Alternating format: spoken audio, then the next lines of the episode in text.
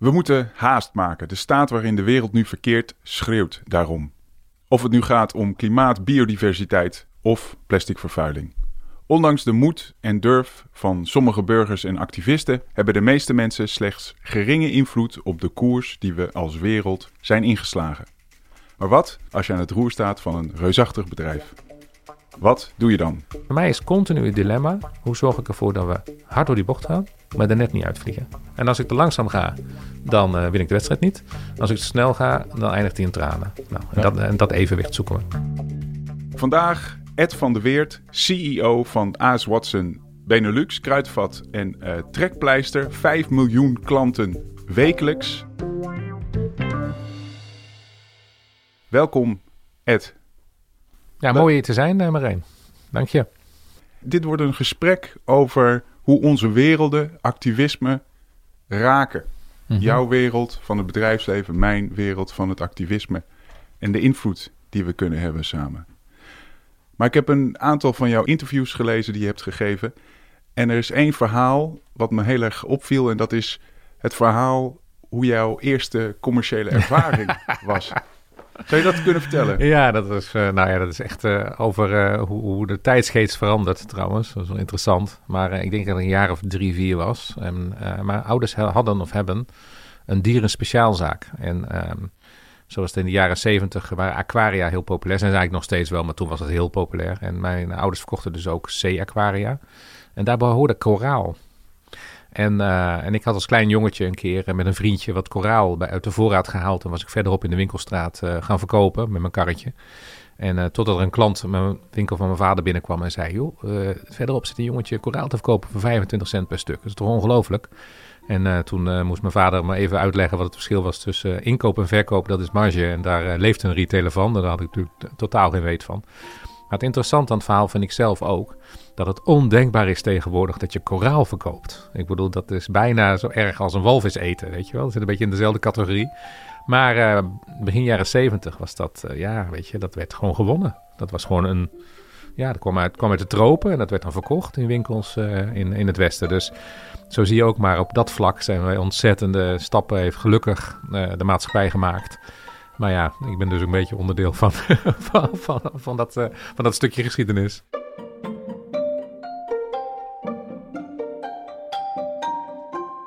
Daarna heb je eigenlijk heel snel carrière gemaakt. En voor wat ik in de interviews lees, je was heel talentvol. Nou. Nou, nou ja, zo, zo komt het in de nou, interviews dat, uh, over. Dat, dat, dat, doet me deugd. Doet me deugd. Nee, ik ben daarna gaan studeren in Enschede. heb ik technisch bedrijfskunde gedaan. Ik heb altijd een liefde voor techniek gehad. En, en commercie, dat vond ik ook wel mooi. Dus dat leek mij een prachtige combinatie. En vanuit daaruit ben ik bij Procter Gamble gaan werken, een Amerikaanse multinational. zeg maar de tegenhanger van Unilever. Heb ik uiteindelijk acht jaar gewerkt. en dat was een prachtige leerschool. Kijk, de Amerikanen hebben toch wel even commercie uitgevonden. En dat, het hele merkidee, het merkdenken, fast moving. Um, fast dat, moving betekent? Fast moving consumer goods. Dus ja. items die je gebruikt. Hè, dus dat is uh, verbruiksgoederen. Ja. Uh, waar natuurlijk heel veel winkels mee vol liggen. Supermarkten of ook drogisterijen. En, en dat is een, echt een fantastische leerschool als je het commerciële vak wil leren. Hè. Dus, dus wat dat betreft een goede, goed fundament. Daarna heb ik nog een paar jaar bij Libertel, dat werd later Vodafone gewerkt, voornamelijk in het buitenland. En daaruit bij Ahold terechtgekomen. Van daaruit bij Jumbo terechtgekomen. Ja, en daar en kennen we elkaar uh, van. Daar klopt, daar, hebben, jij, daar hebben onze paden zich gekruist. En vanuit daaruit ben ik bij ES Watson terechtgekomen. Ja, ik wil zo even naar onze eerste ontmoeting eigenlijk ja, okay. bij Jumbo. Ja, dat weet als ik. activist. dat weet ik nog wel. Ja, precies. We hebben straks een fragment okay. daaruit, dus dat laat ik je graag horen. Maar eerst Waarom tijd voor een podcast met een activist? Nou, kijk, uh, dat is wel grappig dat je dat zegt. Uh, in het bedrijfsleven bestaat altijd het beeld dat activisten tegen je zijn. Hè, die willen, die, die, die, die pruimen het bedrijfsleven niet. Dat is allemaal slecht en dat is allemaal niet goed. En het is heel polariserend. Hè. Het is zwart of wit. Uh, het, is, het is tegen. Maar ik heb toch wel een beetje door de jaren heen ontdekt dat uh, we vaak voor hetzelfde strijden. Het verschil is vaak het tempo. Dat geef ik meteen toe. Een activist wil dat graag mogen. En het bedrijfsleven, of in ieder geval vanuit mijn perspectief, heb ik een heleboel andere belangen te dienen. Maar een doel verschilt vaak helemaal niet zo. Want ja, ik wil ook uh, het goede doen. En ik heb ook vier kinderen die vragen stellen. En ik heb ook een beeld bij hoe de wereld zich ontwikkelt. En dat is helemaal niet zo drastisch anders dan dat een activist dat heeft. Hangt natuurlijk wat van activist, maar even, dan even in uh, op jouw terrein praten. Maar de weg ernaartoe, dat is vaak de discussie. En als dat op een redelijke manier met elkaar kunnen, over kunnen hebben en ook afspraken over kunnen maken, dan heb ik geleerd dat dat eigenlijk de weg vooruit is. En, en je niet in, in, de verschillen moet zoeken, in de tegenstellingen, maar je moet zoeken in de overeenkomsten. Uh, en dat is ook de reden waarom ik hier zit, Marijn. Want ja, uh, ja we, hebben, we hebben vast wat, wat common ground, of dat weet ik in ieder geval uit de praktijk. En, en dat is ook iets wat ik, wat ik ook het bedrijfsleven wil, wil adviseren, zeg maar. Om ook gewoon altijd maar weer te zoeken naar die common ground. En niet omdat je daar wellicht een beetje PR-voordeel van kan hebben. Of uh, goed, in een goed daglicht kan komen te staan. Maar gewoon omdat het ook gewoon de juiste weg vooruit is. En zijn we het altijd eens over de weg erheen? Waarschijnlijk niet. Maar dat, maar dat, dat is ook een beetje zoeken naar, naar het optimum. Daar komen we zo meteen op. Maar laten we even beginnen met onze ja, eerste ontmoeting bij mm -hmm. Jumbo. Ik had een desbewustheidsexploot ontwikkeld. Hè, een formele bewustwording met een uh, groep advocaten waar we erop gekomen. En op die manier kon ik met een gerechtsdeurwaarder langs bij Met een enorm pak papier, weet ik nog. Met een enorm, ja, het ja. moest wat een tweefout uitgeprint. Ja, ja. Voor jou persoonlijk en voor het bedrijf. Dat nou, klopt, dat fragment, dat gaan we nu even luisteren. Ik ga het uh, desbewustheidsexploot aanbieden. Dat is een juridisch stuk dat de uh, directeur formeel bewust maakt van, het, van de gevaren en gevolgen van plastic afval. Ik heb de deurwaarder meegenomen. Okay. Dus met het overhandigen van dit juridische stuk kunt u nooit meer zeggen dat u niet wist wat de gevaren en gevolgen waren van plastic afval. Een mooi pak papier. Ik zal het aandachtig voorlezen. Ja. Tinga hoopt ze zo allemaal mee te krijgen, ze te overtuigen om dat statiegeld uit te breiden. We nemen de verantwoordelijkheid om onze eigen rommel op te ruimen, zeg maar. Maar we vinden dat lastig uh, als we dat ook voor anderen moeten doen. Een beetje is niet erg, maar we vinden dat ook tankstations, horeca, andere bedrijven die klein pet verkopen, ook die verantwoordelijkheid moeten nemen. Mijn teleurstelling zit erin dat er, dat er na 12 jaar zo weinig durf is. Je zou kunnen zeggen, wij gaan het nu doen en zorgen dat de rest ons volgt hè, als, als verantwoordelijke partij. Uh, in plaats van zeggen, ja, nu moet eerst de rest ja. het ook doen. In plaats van dat wij als eerste. Ik ben toch meer van, je moet het ijzer smeden als het heet is. En de politiek speelt er ook een belangrijke rol in. Hè? Dat, dat, dat, dat stuur jij natuurlijk ook op aan. Want de politiek heeft natuurlijk wel de macht om ook te zeggen: hey, in all fairness, beste supermarkten, we hebben graag dat jullie doen. Maar we begrijpen heel goed jullie argument. Jullie zijn echt niet de enige die die kleine flesjes verkopen. Andere partijen moeten ook meedoen. Ja, graag gedaan, joh. En succes uh, met, je, ja. met, je, met je strijd. Hierna nog vijf. Dus. Oh, kijk eens aan. Dank je. Wat denk je als je dit uh, hoort? Nou, het pak papier had ik in ieder geval goed, uh, dat heb ik goed onthouden. Nee, maar kijk, als ik kijk uh, waar jij toen voor langskwam en uh, wat er uiteindelijk gebeurd is, ook met staatsgeld op kleine flesjes. Daar ging het om, dan, het ging dan, over statiegeld. Ja, dat ging heel erg over, uiteindelijk over zwerfplastic. Hè? Dat, dat was toch de strijd. En nou, dan heb je in ieder geval een mooie stap vooruit gemaakt, hè, moet ik zeggen. En uiteindelijk is dat toch realiteit, hè? Statiegeld op, zwerf, op, op klein, klein pet, hè? Kleine, kleine flesjes. Ja. Dus ja, wat dat betreft een hoop gebeurt. En het aparte natuurlijk van dat statiegeld is wel dat de publieke opinie heel erg voor statiegeld was.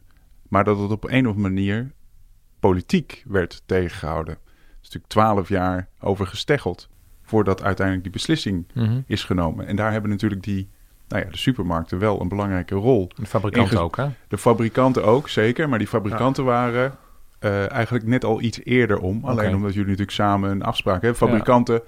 Coca-Cola uh, heb ik het dan over. Hè, de frisdrankfabrikanten. Ja, en het zijn altijd de supermarkten geweest die dat statiegeld probeerden tegen te houden. Statiegeld op kleine plastic flesjes. Ja, ik moet wel een klein beetje, uh, Erik, de supermarkt een beetje in verdediging nemen. Dat is ook leuk voor deze podcast, dat ik dan toch even doen. Kijk, het probleem komt wel bij de supermarkten terecht, hè? Want die moeten de spullen opruimen. Kijk, als het publiek zo erg voor statiegeld was, dan zou ik zeggen, nou, had dan je eigen rommel opgeruimd. Had het dan niet uh, van je afgegooid uh, als je een flesje frisdrank bij het tankstation koopt. Of, ja, maar dat eh, is toch niet eerlijk om te zeggen. Het is, Nou. toch, niet het, het is toch niet het publiek Nou, kijk, dat... Je moet, met me een- je moet met me eens zijn dat het, eh, het consumentengedrag hè, van Zeker. wat zwer, dat, dat veroorzaakt zwerfafval. Hè? Dat is die wikkel van de Mars. Hè? Ik begrijp dat dat eh, nu eh, een thema geworden is. Of eh, van de nuts, of weet ik veel wat. eh, ja, in het, in, het- in, eh, van je afgooien, om even zo te zeggen. En dat het in de natuur verdwijnt. Dat is natuurlijk het echte probleem. En dat is uiteindelijk een gedragsprobleem. Ja. We kunnen het ook netjes opruimen. Er zijn ook landen, eh, en die ken je ook in de wereld, eh, waar ze natuurlijk heel streng zijn op dit vlak. Waar je geen propje op straat ziet liggen. Ja, dat, dat- en daar hebben ze echt geen eh statiegeld of andere gekkigheid. Dat is gewoon gedrag. Maar dat is moeilijk te beïnvloeden. Dat geef ik ook meteen toe. Eh, gedrag is, eh, dat zie je ook met corona en zo. Ga je maar gedrag van mensen veranderen. Dat is ontzettend lastig. Dus dan moet dan een prikkel komen. En, eh, en statiegeld blijkt eh, dan een hele goede prikkel te zijn. Dat ziet de klant dan ook wel, of de consument. Punt is alleen dat een fabrikant kan dat makkelijk zeggen. Maar de supermarkt moet het doen. Want die hebt dan zo'n eh, statiegeldmachine staan. En dan moet eh, al die flesjes moeten ingezameld worden. In een, zak gedaan worden. Moet opgehaald worden in het distributiecentrum. Teruggebracht worden naar de leverancier. En er zit wel een vergoedingsstructuur achter. Dus helemaal voor niks gebeurt het ook weer niet. Maar het is wel gedoe. En, eh, en dat is vaak het belangrijkste argument van supermarkten. Dat is namelijk dat ehm, het prima is om je eigen rommel op te ruimen. Maar een rommel van een ander opruimen. Weet je misschien van thuis nog, eh, toen je eh, wellicht eh, bij je ouders nog lekker thuis woonde. De rommel opruimen van een ander was altijd lastig. En van jezelf was het dan moeilijk genoeg. Nou, dat, dat, zo werkt dat met supermarkten, of in ieder geval in het oog van supermarkten natuurlijk ook. Want de flesjes die bij de supermarkt terechtkomen, zijn echt niet alleen de flessen die daar verkocht worden. Dat is ook wat bij een tankstation verkocht worden, of een cafetaria, of weet ik veel waar. Ja, en dan voelt dan altijd een beetje, beetje vervelend dat je zegt, ja, moet ik die rommel ook opruimen. Dus daar staat veel van de weerstand van de supermarkten, van het organiseren daarvan. Aan de andere kant, je, kan ook, je moet je ogen ook niet sluiten voor de realiteit. En de realiteit is dat het een, dus een probleem is. En eh, een stukje verantwoordelijkheid nemen op dat vlak is ook heel belangrijk. En uiteindelijk is dat gebeurd. Hè? Dus dat is prachtig. Eind goed, oog goed, zou ik bijna zeggen. En dan misschien na twaalf jaar eh, moeilijk strijden. Ehm, eh, maar dat is altijd even die wisselwerking tussen eh, voelen, verantwoordelijk voelen en de verantwoordelijkheid nemen. Nou, en dat, dat krachtenveld zat jij op, op dat moment.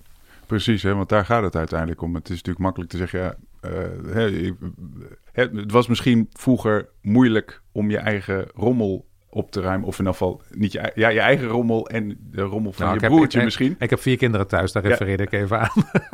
Ja, maar het is andersom Ja. natuurlijk niet zo dat als jij rommel maakt, dat je naar een ander kan wijzen. Nee, om te zeker. zeggen, zij maken, zeker. Zij maak, hij maakt ook rommel, dus ik hoef Nee, het nee, ook niet daar- op te ruimen. Dus dan kom je toch op dat, ja, waar Maar- ligt dan die, uiteindelijk die Maar daar heb je verantwoordelijkheid? 100% gelijk in. Kijk, altijd maar naar elkaar wijzen. En dat jij bakken, dat, dat lost natuurlijk helemaal niks op. Hè? Want eh, ja, maar hij moet, doet het ook. Ja, dan mag ik het ook, weet je.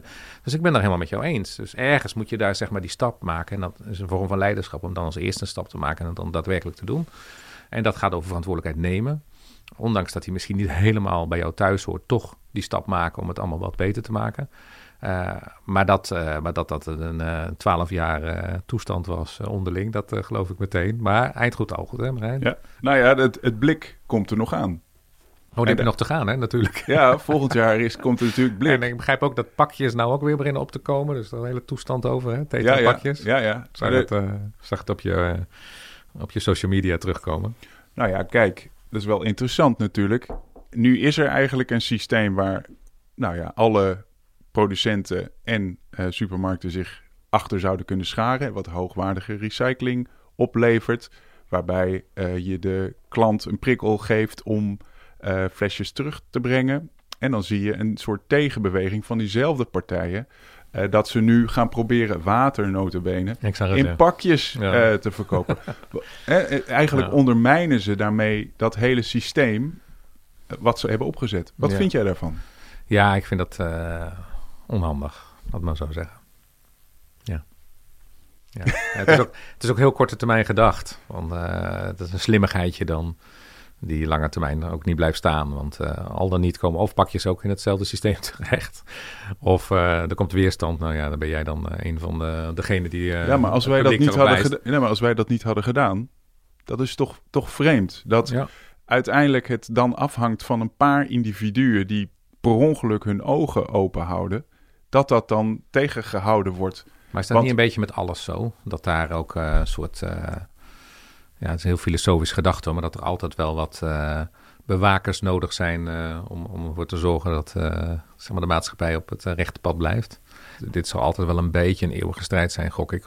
En dat bedoel ik even niet heel specifiek dit onderwerp, maar tussen afspraken maken en om zonder partijen te noemen, dat wil ik ook helemaal hier niet, de kantjes eraf te lopen. Ja, en dan moet iemand dan zorgen dat sommige partijen niet de kantjes eraf lopen. Ja.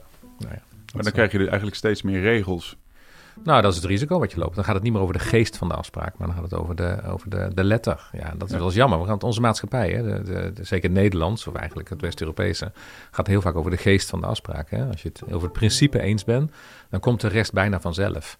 En het is jammer dat het dan heel erg over de letter gaat. Dat, dat, dat hoort helemaal niet bij ons. Dat is een beetje Amerikaans, weet je wel. Dat voelen wij ons vaak heel ongemakkelijk bij.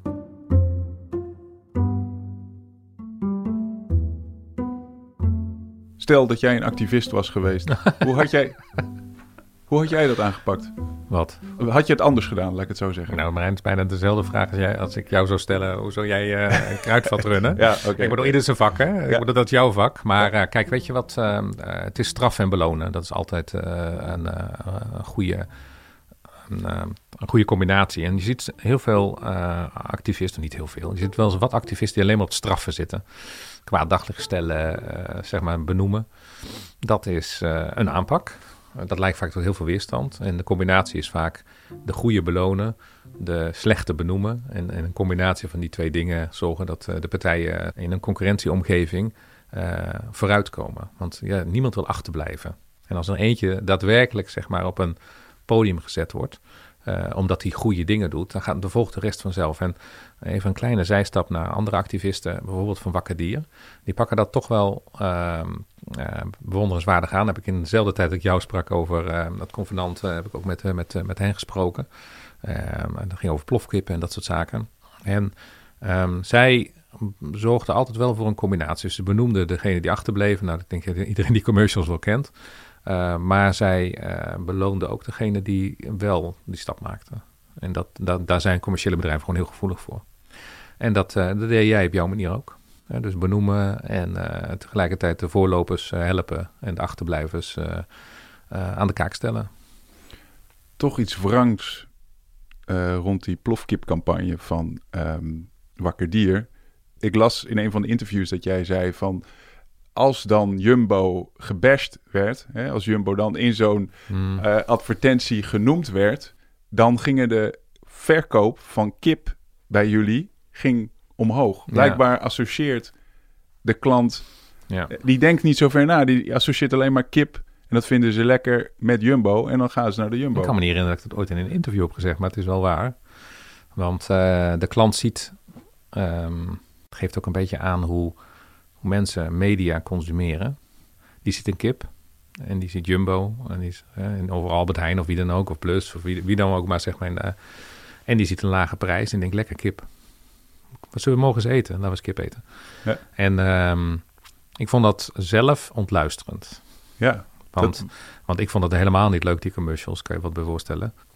Maar het ontluisterende is uiteindelijk dat het dus een toename van de hoeveelheid kip. Ja, kijk, nou, en, ja, en, en, wat zegt dat dan eigenlijk over eh, verandering? Want je zou zeggen, die verandering uh, die moet komen vanuit die consument. Maar we zien in de praktijk dat het dus iets is wat heel erg door nou ja, die activisten moet worden aangejaagd. Mm. En dan nog, als het om zoiets kleins gaat, zou je zeggen, als statiegeld uh, dan nog kan het dus, kost het heel veel moeite om zo'n kleine stap te zetten. Dus die, die snelheid is misschien wel heel erg laag. En, en, ja, en waar ligt dan de verantwoordelijkheid? Want je ziet dat die consument dat blijkbaar niet goed nou, kan kijk, doen. Kijk, uh, een kleine stap voor een groot retailbedrijf is een hele grote stap als je alles bij elkaar optelt. Hè? Dus, dus, de impact is groot, zeg je. Nou, dat is mijn hele punt. Kijk, dat is wat je zoekt. Je zoekt eigenlijk dat je zegt, voor de klant moet het een kleine stap zijn. De impact heel groot zijn. En eigenlijk moet je het alternatief niet aanbieden. En terug naar jouw statiegeld. Je kan in een schap niet kiezen tussen met en zonder statiegeld. Dat bestaat niet. Je hebt statiegeld of niks. Nou, en die pakjes wat we net over hadden, dat is dan misschien een beetje onder, onder, door de mazen van de wet. Maar dan ga jij wat aan doen. Uh, of in ieder geval ziek dat je wat aan het doen bent. Dus dat zal heus niet zijn, uh, zijn, zijn, schaal vinden. Uh, maar voor de klant. En dan is het is 15 cent geloof ik statiegeld. Hè? Ja. Is 15 cent op een, op een flesje voor een klant ook een klein offer. Dat was van de tijd dat je bij Jumbo zat. Inmiddels ben je CEO van AS Watson, Benelux, hè? Ja. Kruidvat Ja, en trekpleister. en trekpleister. 6 miljoen klanten per week. Oh nee, sorry. Eh 5 miljoen Nou, klanten. Ook wel eens 6 miljoen in de week, maar niet elke week. Nee, nee, kijk, ontzettend veel klantbewegingen. Kijk, we hebben veel winkels. Hè. Er zijn duizend kruidvatwinkels in Nederland, 200 trekpleisters en nog eens een keer 300 eh kruidvatwinkels in België. En, eh, en dat doen we met trots en plezier. Ja, 23.000 mensen werken er onder jou. Ja, ik zeg altijd, ik zeg nooit onder mij. Zeg ik, die werken met mij. Oké, 23.000 mensen werken met, Met, jou, jou. bij mij Ja. mag ook. Ja, net zijn Ja. er 26.000, maar dat klopt, ja. Ja. En jullie hoofdkantoor is in Hongkong. Jullie zijn de grootste retailer ter Health wereld. beauty retailer. Ja, de grote, wat, wat, wat betekent dat? De grootste zijn? Nou, kijk, ehm eh, het grootste health and beauty, hè, dat is wat anders dan de grootste retailer. Want. Amazon en Walmart zijn echt qua omzet veel groter. Maar AS Watson heeft 16.000 winkels eh, in de wereld, waar wij er dan zeg maar 1500 van hebben. En het zit eh, voornamelijk in Europa en eh, in Engeland en in Duitsland. En wij dan. Nou, eigenlijk door heel Europa, want we hebben ook heel veel beautywinkels. En heel veel winkels in Azië. Ja, wat, wat betekent de grootste zijn? Nou, het heeft een groot voordeel. Want dat betekent dus dat je met leveranciers, ja, zeg maar, met de top aan tafel zit. Dus ook gewoon dat soort afspraken kan maken. Dat Ehm, soort afspraken zijn de prijsafspraken. Nou, of dan ah. Goedkoper. Ja, nou ja, ja. Ja. Ja. Ja, ja. kijk, als jij een product inkoopt bij eh, bijvoorbeeld Procter Gamble of Unilever, dan wil je natuurlijk wel dat je een concurrentievoordeel hebt vanwege je schaal. Dus probeer je daar een goede afspraak over te maken. En over het algemeen betekent dat goedkoper inkopen. Dus dat is voor elk retailbedrijf schaal is ontzettend belangrijk. Ja. dat, dat is, dat, het is ab- absoluut een spel van de grote getallen. Eh, maar ook over assortiment. Welke producten voer je? Wat voor assortiment heb je? Wat heb je exclusief als assortiment? Nou ja, ga zo maar door. Ja. Dus dat is prettig. Uh, als je zo'n winkel binnenkomt, Ja. liggen overal eh, prijspakkers. Schep, we zijn, snoep. eh, zijn zeker van de aanbiedingen. Ja, dat is helemaal gelijk Een in. impuls aankopen mijnenveld. Ja. Ja, Ja, dat is ja. al, alleen maar prularia. Nou, nou, Nou, heel, eh, een heel ge- groot gedeelte is prularia. Eh, en uiteindelijk heeft een winkel als Action dat misschien dan nog verder geperfectioneerd. Maar hè, hoe ja, is kruidvat aan het vergroenen? Wat mogen jullie eigenlijk zeggen over vergroenen? Hè, spullen op zich, dat is, heeft de allergrootste impact op het milieu. zeker. Spullen kopen en dat Gebruiken. jullie Ja. gebruiken, maar Mhm. ook vooral kopen en dan afdanken. En nou ja, goed, een groot gedeelte Ja. is natuurlijk bij jullie gemaakt om nou, niet al te lang te gebruiken. De kwaliteit is misschien niet zo hoog. Eh, hoe, jullie zijn, en toch, Wanneer ben je voor het laatst bij een kruidvat geweest? ehm, ik denk, eh, dat is een goede vraag. Eh, ik denk eh, een halfjaartje geleden misschien. Oké, nou misschien maar eens een keer naar een kruidvat gaan. Dan, over, laten we er samen een keer doorheen lopen. Even over... Maar zijn jullie aan het vergroenen? Nou, kruidvat is absoluut aan het vergroenen. Maar laten we even een misverstand uit, het, uit, uit de weg helpen. Ik denk dat dat wel even belangrijk is. Want kruidvat is in eerste instantie een health and beauty winkel. Het overgrote merendeel van wat wij verkopen zijn health and beauty producten. En dan moet je denken aan shampoo, tandpasta, zelfs nog medicatie, eh, maandverband. eh, nou ja, alle spullen die je nodig hebt voor je gezin of voor jezelf om, om je gezond, mooi en goed te voelen. Overgrote merendeel. Een klein stukje van wat wij hebben is wat jij noemt pluraria. Zelfs dat stuk, wat maar een klein stuk van onze omzet is, maar in alle eerlijkheid, het lijkt heel groot, want we adverteren er heel actief mee. Dat is het stukje eh, steeds verrassend, altijd voordelig. Hè? Nou, ja, Teuntje, Deuntje, denk ik dat, eh, dat je ook nog eh, in je hoofd hebt zitten. Dat, dat stukje van steeds verrassend, dat stukje vergroenen we ook met een ontzettend hoog tempo. Nogmaals, een klein deel van onze omzet. Overgrote merendeel is health and beauty. Maar daarin tegenwoordig, al het houten speelgoed wat je daar kan zien, is FSC. Ehm, al het katoen is duurzaam katoen. Als je kijkt naar de producten die we daar aanbieden, we zorgen altijd ervoor dat het van gecertificeerde leveranciers komt. Dat we weten waar het vandaan komt. Dat er geen uh, uh, kinderarbeid bijvoorbeeld of andere zaken op, op, plaatsvinden. Dus we zijn er heel actief mee bezig. Want wij realiseren ons ook wel dat um, de tijd voorbij is dat je dat soort consumenten of consumptiegoederen maar gewoon een beetje de markt in pompt en ziet wel waar het terecht komt.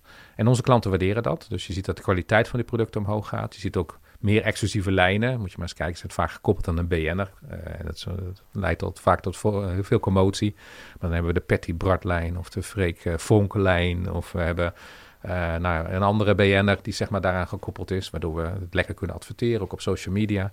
En, en ook deze mensen, die willen helemaal niet geassocieerd worden met spullen die uiteindelijk niet goed zijn. Of op wat voor manier dan ook controversieel. Dus voor ons een hele belangrijke stap in de vergroening is dat stukje van het assortiment. En het beeld wat klanten vaak hebben, en daar ben jij er dan één van, is ja, maar dat was altijd van die, van die rommel. En, uh, en dan wordt heel snel de associatie ook met action gelegd. Wij doen dat echt anders. En, uh, en nogmaals een klein stukje van onze omzet. En de rest, health and beauty, ja, daar vergroenen we op een heel hoog tempo mee. We hebben wat dat betreft best strakke doelstellingen. In ieder geval voor ons bedrijf zelf is CO2-neutraal. Dat willen we dan in 2030 zijn. En dat gaat voor ons stuk van de keten. Dan moet je denken aan energieverbruik, transport en dat soort zaken. Ja, maar dat is natuurlijk wel een interessant punt. jullie stuk van de keten, Zeker. dat is, uh, dat is waar jouw scope dan uh, ligt, ja. uh, denk ik. Maar dat is natuurlijk in, in het geheel van de keten is er misschien maar het is een klein deel. Paar, paar procent. Maar je hebt helemaal gelijk. Want en die maken... keten even voor... Hè, dus keten waar we het dan over hebben is natuurlijk hoe het geproduceerd wordt. Uh, veel dingen komen uit het buitenland. Ja. Nou goed, daar is een enorme impact. Het wordt natuurlijk helemaal hier naartoe getransporteerd. Ja. Dat zijn allemaal delen van de, van de keten. En jullie deel, wat dan, nou ja... Het, het handelsdeel. Ja, je hebt helemaal gelijk. Tot misschien kijk. 5% is. Dat gaan jullie... Um, nou, kijk, we beginnen eerst maar wat we zelf kunnen doen. Dus je hebt helemaal gelijk. Dus als je naar de hele keten kijkt, dan begint het bij het productie van een artikel helemaal tot aan consumptie, verbruik en uiteindelijk uh, afvalverwerking. Ja. Maar dat is de hele keten. En wij zijn het handelsstukje erin. We kopen en we verkopen. We zijn ook een handelsbedrijf. Niks meer en niks minder. We maken, nee, we maken niks zelf. We zijn wel voor een deel van het assortiment zelf verantwoordelijk. En dat is ons eigen merk. Maar even over het handelsstuk. Dat handelsstuk willen we naar CO2-neutraal. De verantwoordelijkheid gaat voor ons verder. Dat is namelijk ons eigen merk. Nou, daar maken we ook grote stappen met verduurzaamheid. Dan gaat het over recycled plastic, dan gaat het over uh, alternatieve verpakkingen, dan gaat het over de ingrediënten in de producten en bijvoorbeeld geen microplastics gebruiken en allemaal dat soort zaken. Dat is ons eigen stukje van het assortiment. Ja. En dat uh, stimuleren we ook actief op het schap. Moet je maar eens kijken met natuurlijk en verdedigen en dat soort zaken. Zou je jezelf een discounter noemen?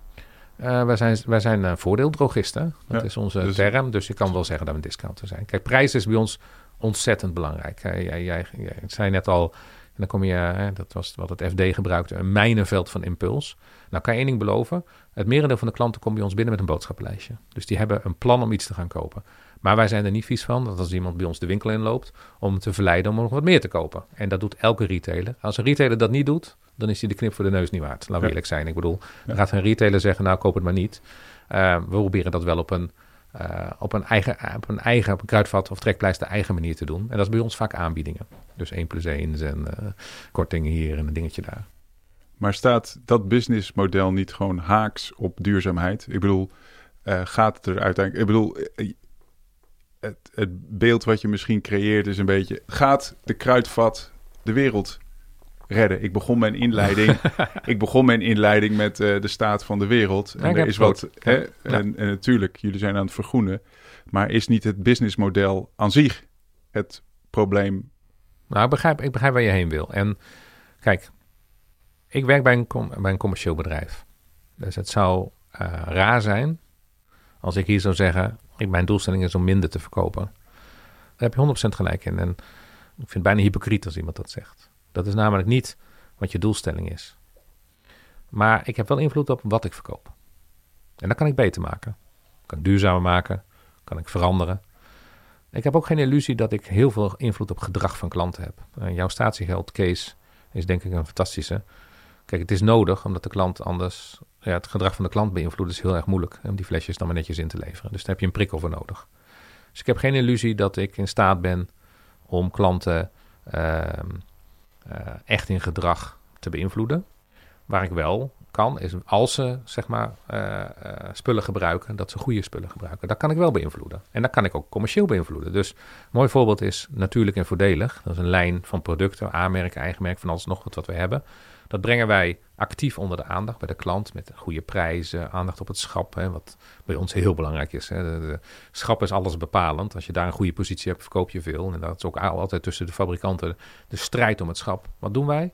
Wij geven de leveranciers die natuurlijk en verdelige producten hebben, die geven wij een, uh, eigenlijk een, eh, een duwtje in de rug. Die geven we meer ruimte. Nou, uh, om nogmaals dat punt kracht bij te zetten. Het ruimte op het schap tussen de grote fabrikanten is millimeterwerk. Hè? Dat, is, dat is echt. Wordt afgesproken op de millimeter. Nou, dat is on, dat, dat, daar draait het om. Dus als jij van nou, L'Oreal, als je een afspraak met L'Oreal maakt over hoeveel shampoo je van hen in de schappen gaat zetten tegen welke prijs, Spreek je ook af Nou, hoeveel mogen, millimeter... Prijs mogen we niet afspreken, maar je hebt helemaal gelijk. Als je naar, naar, naar wel inkoop natuurlijk, maar Ja. niet verkoop. Ja, nee, Kijk, eh, maar, als je, ik, ja. dus maar als je een schap hebt, schappositie, daar strijden de grote leveranciers om. En een betere schappositie is betere omzet. Betere omzet is uiteindelijk Ja. beter, eh, beter resultaat. En wat doen wij? De duurzame leveranciers geven we overdreven veel schapruimte. Die krijgen ze gewoon van ons gratis, zeg maar. En waarom doen we dat? Omdat we willen dat de klant daarmee geconfronteerd wordt, uiteindelijk dat product koopt en daardoor een betere, ehm, eh, ja, gewoon een betere consumptie vertoont. Hè? Een, be- een beter product gaat gebruiken. Maar ik moet wel zeggen, dat is wel hard werken. Dat gaat niet vanzelf. En je zegt wij, Dat bedoel ik met kruidvat. ja. Welke, Kruidvat. wat is je, kijk, want het het spannende hier is, jij bent de, de baas. Zeker. Wat is Maar dan doe de- dat. Maar ik wat- doe dat. Maar doe dat. Je doet het niet, niet alleen. Nee, nee, natuurlijk niet. Nee, je doet het niet alleen. Nee, Maar het spannende is, jij hebt invloed. zeker. Ik heb een ontzettend goed team eh, om me heen. En, eh, maar met de commerciële collega's. eh, en onze commerciële directeur heet Nick, Nick Schipper. Met hem spreek ik dan af. Laten wij nou het aandurven om die dure schapruimte... die we ook kunnen verkopen aan een andere leverancier... en ons veel geld oplevert... laten we die nou eens gunnen... met nadruk op het woord gunnen...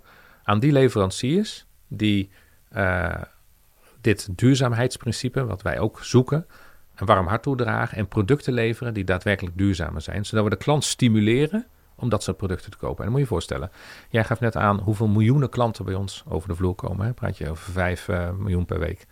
Ehm, stel dat al die klanten een heel klein stapje naar dat verduurzaming maken. En misschien in jouw ogen als activist een mini-stapje. Dat je denkt, nou, ik ben al mijlen vel- ver als individu, ben ik al mijlen verder. Maar laat al die 5 miljoen klanten zelfs een heel klein stapje maken. Mhm. Al die stapjes bij elkaar opgeteld is veel meer dan de impact is die jij als individu hebt. Ja. Nou, dat proberen we voor elkaar te krijgen. Want ik moet wel daarin altijd een beetje wikken en wegen. Een beetje, Eh, heel erg neem ik. nou ja. je, je, je hebt het over, hè, ik denk de kern is, je hebt het over durf. Je hebt het over durf en hoe ver ga je dan? Dus Maar- waar, waar, waar maar- maar komt even- dat dan vandaan? Kijk, eh, kijk, wat heel belangrijk is, Marijn, dat, dat durf is oké totdat je verongelukt. Hm? Dus je moet door de bocht, om even in Max van Stappen termen te praten. Je moet door de bocht, maar je moet er net niet uitvliegen. Dan doe je het goed. Als je eruit vliegt, dan heb je eigenlijk alles in de waagschaal gesteld. Maar uiteindelijk heb je je doel niet bereikt, want dan gaat het bedrijf, komt die mineur, dan gaat, het, eh, gaat de aandeelhouder eh, mopperen. En dan eh, kan je een heleboel dingen niet doen. Dus je moet zorgen dat je en commercieel de goede resultaten levert, zodat eh, de aandeelhouder ook tevreden blijft binnen een bepaalde bandbreedte. En tegelijkertijd verduurzamingsstappen maken. En dus de continuïteit van het bedrijf, als je even in die termen praat, de continu, continuïteit van het bedrijf waarborgen. En tegelijkertijd ook eh, de wereld, het bedrijf, een beetje de goede kant op verduurzamen. En ik ben heel erg van de lijn dat een lange termijn visie en elke keer een klein stapje om daar te komen, is veel bestendiger dan grote vergezichten met veel te grote stappen en onderweg verongelukken. Dus voor mij is continu het dilemma: hoe zorg ik ervoor dat we hard door die bocht gaan, maar er net niet uitvliegen? En als ik te langzaam ga, dan eh, win ik de wedstrijd niet. Als ik te snel ga, dan eindigt hij in tranen. Nou, en Ja. dat, en dat evenwicht zoeken we.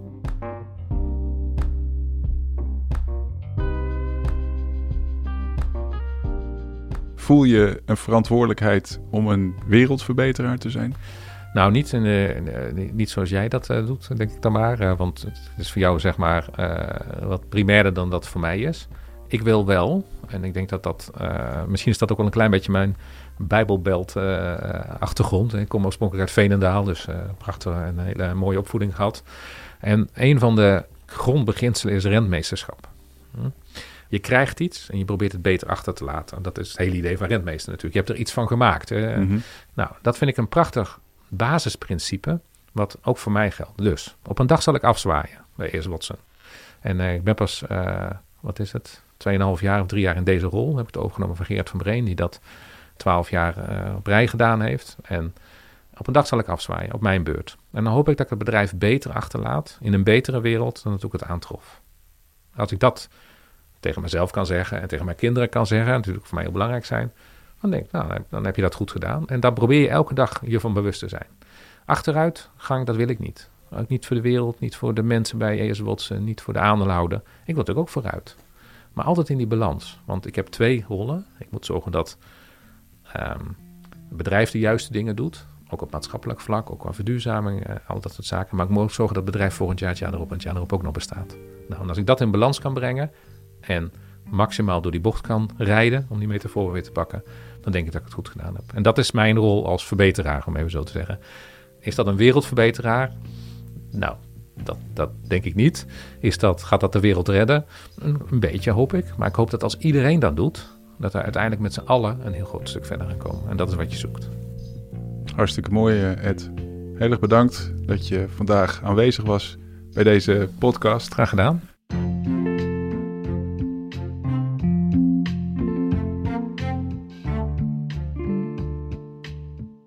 Dit was aflevering 2. Bedankt voor het luisteren. Wil je ons nu steunen in onze strijd tegen de plastic vervuiling? Surf dan even naar petje.af, Plastic Soup Surfer podcast. Dankjewel.